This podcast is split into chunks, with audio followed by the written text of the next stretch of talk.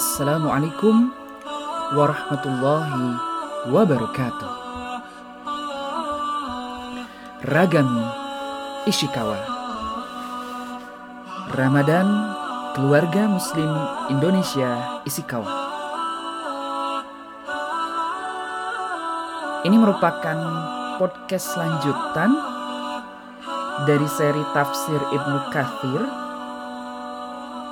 setelah sebelumnya kita membacakan mengenai surat Al-Mu'awizatain, pada kesempatan kali ini kami akan mencoba untuk membacakan tafsir dari surah An-Nas. A'udzubillahi minasyaitonirrajim. Bismillahirrahmanirrahim.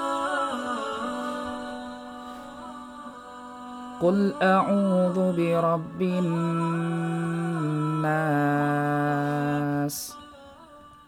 ملك الناس إله الناس من شر الوسواس الخناس الذي يوسوس في صدور الناس minal jinnati wan nas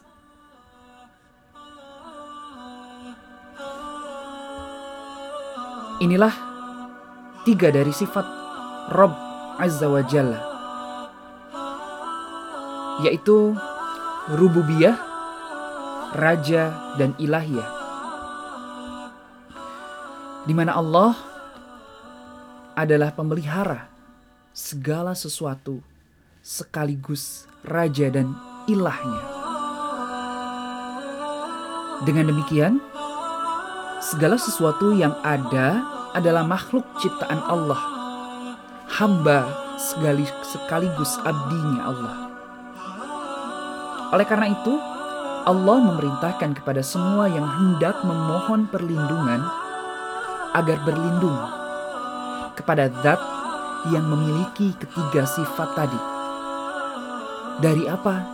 Dari kejahatan bisikan syaitan khannas, yaitu syaitan yang ditugaskan untuk menggoda manusia. Karena tidak ada seorang pun keturunan Adam, melainkan dia memiliki satu teman, satu teman yang akan senantiasa menjadikan segala perbuatan keji itu indah dipandang mata dan dia tidak akan mengenal kata lelah dalam menjalankannya. Dan orang yang terlindung adalah orang yang mendapat perlindungan Allah. Ini ditegaskan dalam hadis sahih bahwasannya tidak ada seorang pun di antara kalian melainkan telah diwakilkan kepadanya pendampingnya. Lalu para sahabat bertanya kepada Rasulullah SAW, termasuk engkau, wahai Rasulullah? Beliau menjawab, "Ya." Hanya saja Allah membantuku dalam menyikapinya sehingga ia masuk ke agama Islam. Karenanya, dia tidak menyuruhku kecuali hal-hal yang baik. Lalu ditegaskan pula dalam kitab As-Sahihain dari Anas tentang kisah kunjungan yang dilakukan oleh Safiyah kepada Nabi Shallallahu Alaihi Wasallam. Yang ketika itu Rasulullah sedang beriktikaf. Juga kepergian beliau bersama Sofia pada malam hari untuk mengantarnya pulang. Kemudian beliau berpapasan dengan dua orang laki-laki dari kaum Ansor. Ketika melihat Nabi Shallallahu Alaihi Wasallam, keduanya mempercepat jalan. Lalu Rasulullah Shallallahu Alaihi Wasallam bersabda, berjalanlah kalian seperti biasa karena sesungguhnya dia adalah Safiyah binti Huyai. Kemudian keduanya berkata, Maha suci Allah, wahai Rasulullah. Lalu Rasulullah pun bersabda, Sesungguhnya syaitan itu mengalir dalam tubuh anak Adam seperti aliran darah. Dan sesungguhnya aku khawatir dia akan memasukkan sesuatu ke dalam hati kalian berupa kejahatan. Imam Ahmad meriwayatkan Muhammad bin Ja'far memberitahukan kami dari orang yang pernah membonceng Rasulullah Shallallahu Alaihi Wasallam. Dia berkata, keledai Nabi Shallallahu Alaihi Wasallam pernah terpleset. Lalu ku katakan, celakalah syaitan. Maka Nabi Shallallahu Alaihi Wasallam bersabda, janganlah engkau mengatakan celakalah syaitan, karena sesungguhnya jika engkau mengatakannya, niscaya dia akan merasa bertambah besar dan mengatakan, "Dengan kekuatanku aku menjatuhkannya." Dan jika engkau mengucapkan bismillah dengan menyebut nama Allah, niscaya dia akan merasa bertambah kecil sehingga dia menjadi seperti lalat. Diriwayatkan oleh Imam Ahmad seorang diri dengan sanat yang jayid dan kuat. Di dalamnya terkandung dalil yang menunjukkan bahwa hati jika berzikir kepada Allah, niscaya syaitan akan bertambah kecil dan kalah. Dan jika tidak berzikir kepada Allah, niscaya syaitan akan bertambah besar dan menang. Berikutnya mengenai firman Allah Al-Waswasil Khannas Said bin Jubair mengatakan dari Anas dari Ibnu Abbas, mohon maaf, yaitu syaitan yang selalu bercokol di dalam hati manusia. Di mana jika manusia lengah dan lalai, maka dia akan memberikan bisikan dan jika manusia berzikir kepada Allah, maka syaitan itu akan bersembunyi. Berikutnya firman Allah Ta'ala Alladhi yuwaswisu fi sudurin nas Nah ini apakah yang demikian itu khusus kepada anak Adam saja sebagaimana yang tampak pada lahiriah?